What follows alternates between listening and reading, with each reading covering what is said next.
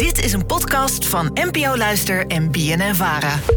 Hoi Alledaagse Vragen. Ik ben een groot fan van politieseries. Daarin wordt een complexe moord vaak uh, relatief makkelijk opgelost door een slimme detective. Nu ben ik benieuwd hoeveel moorden worden er eigenlijk opgelost en hoe moeilijk is dat? Alledaagse Vragen. NPO Luister. Gijs, dankjewel voor je vraag. David, zou jij een moord kunnen plegen en denk je dat je ermee weg zou komen? Als ik door rood fiets, denk ik al dat ik er niet mee weg zou komen. dus met een moord, nee, ik denk het niet. En als ik er al mee weg zou komen, dan denk ik niet dat ik ook nog maar één oog dicht doe. Dus Nee, ik denk nee. het niet. Ik vraag me wel vaak af hoeveel moorden worden er daadwerkelijk nou opgelost. Dat heb ik gevraagd aan misdaadjournalist van het Parool, Paul Vugs. Het is altijd al zo dat de pakkans heel groot was. Zeker in het algemeen, moorden. Omdat vaak kennen de daders en de slachtoffers elkaar. Bijvoorbeeld relationeel geweld. Uh, geweld in, uh, in de buurt tussen mensen die elkaar al uh, kennen. en het was altijd zo dat ongeveer zo'n 80% of zo van alle doden door geweld, al die zaken werden wel opgelost. En daar was, daarbinnen was liquidatie wel een uitzondering dat dat uh, veel meer moeite kostte. Maar nu hebben we al sinds een heleboel jaar, onder meer vanwege dat uh, ondersteunende berichtenverkeer, uh, maar ook vanwege grote processen waarin, waardoor de recherche wel meer inzicht heeft gekregen in, in het criminele milieu, dat, dat het oplossingspercentage ook bij onderwereldgeweld omhoog is, is gegaan. Ja, je denkt natuurlijk meteen van dat zal wel laag liggen. Want je hebt vanwege series denk ik al Ja. die misdaadmoorden in je hoofd. Maar heel vaak gaat het natuurlijk gewoon om bekenden van elkaar. In 2023 zijn slechts vier moorden onopgelost gebleven. Vier maar. Ja, super weinig. En sowieso valt het aantal moorden in Nederland de laatste tijd best wel mee, vertelt Paul. Afgelopen jaar was dat volgens het officiële cijfer 128. Dat is op zich vrij laag. Als je ook bijvoorbeeld ziet in een stad als Amsterdam, waar ik me veel mee bezig hou, daar waren er 11 doden door geweld in het hele jaar. Nog niet een, eentje per maand. Uh, moet ik altijd bij zeggen natuurlijk dat elke dode er een te veel is. Maar dat is in het verleden echt heel veel meer geweest.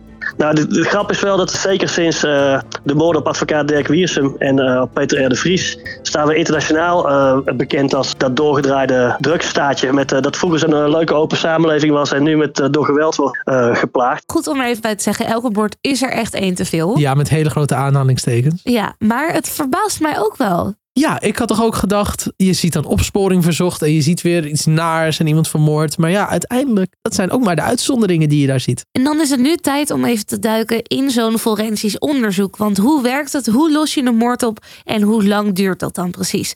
Dat heb ik gevraagd aan Carina van Leeuwen. Zij is forensisch rechercheur in het cold case team van de politie. De meeste moorden in Nederland worden gelukkig opgelost. En dat kan een week zijn, dat kan twee weken zijn, dat kan een maand zijn en soms is het een jaar. Dat ligt natuurlijk heel erg aan um, wat voor zaak het is. Hè. Weten we bijvoorbeeld wie het slachtoffer is? Als je dat niet weet, wordt het oplossen van een moord al heel ingewikkeld. Um, is het iemand die in een huistuin- en keukensituatie om het leven is gebracht? Of vinden we iemand die is doodgeschoten en die ligt ergens in het water? Dus het, het hangt van heel veel aspecten af hoe snel je een zaak op kan lossen. Het hangt dus van heel veel af, maar daarnaast vertelt Carina mij ook dat het wel heel belangrijk is om een moord zo snel mogelijk op te lossen. Hoe langer je wacht, bijvoorbeeld getuigenverklaringen, veel ingewikkelder worden. Want hoe goed is de herinnering van mensen? Dat geldt natuurlijk ook voor de sporen, die we natuurlijk meteen op een plaats delict veiligstellen. Maar hoe sneller je het doet, hoe warmer de sporen eigenlijk zijn. En dat geldt dus zowel voor getuigen als van de fysieke sporen. Uh, hoe sneller je dat doet, hoe meer kans je ook hebt om een dader uh, te vinden. En die dan eventueel ook niet de kans heeft gekregen om bijvoorbeeld naar het buitenland te vluchten. Maar we moeten ook natuurlijk denken aan die opsporingstechnieken, want deze zijn flink verbeterd over de afgelopen tijd. En daardoor kan een oude moord soms toch ook opgelost worden. In alle zaken die, we nu, die zich nu voordoen, hebben we natuurlijk een scala aan technieken die we 10, 15 jaar geleden niet hadden of niet zo goed ontwikkeld. En dan wordt er natuurlijk vooral gekeken naar DNA. Hè. Dat is natuurlijk een hele belangrijke. En waar je, nou ja, een aantal jaar geleden had je een hele grote hoeveelheid bloed nodig om een goed DNA-profiel te kunnen genereren. En tegenwoordig heb je aan een huidschil vooral genoeg. Dus dat is een enorme verbetering. En niet alleen de forensische technieken worden steeds beter, ook digitaal kan de politie steeds meer sporen verzamelen. Zo houden veel apparaten zoals je telefoon of je auto bijvoorbeeld gegevens bij die interessant kunnen zijn voor de politie. Ja, dus als je moord wil plegen, moet je eigenlijk zonder telefoon, zonder smartwatch, zonder alles op pad gaan. Ja, je moet even weer terug de oude tijd in. Alledaagse vragen keurt het plegen van moorden niet goed.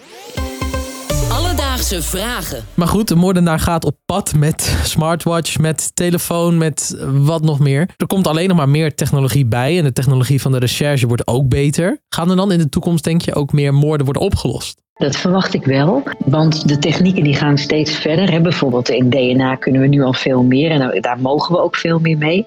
Waar we mogen nu ook vaststellen wat voor kleur ogen iemand bijvoorbeeld heeft of wat voor kleur haar, huidskleur. Maar er zijn ook ontwikkelingen gaande om bijvoorbeeld uit het DNA-profiel een leeftijd te kunnen vaststellen. Nou, dat is nu, staat dat nog in de kinderschoenen.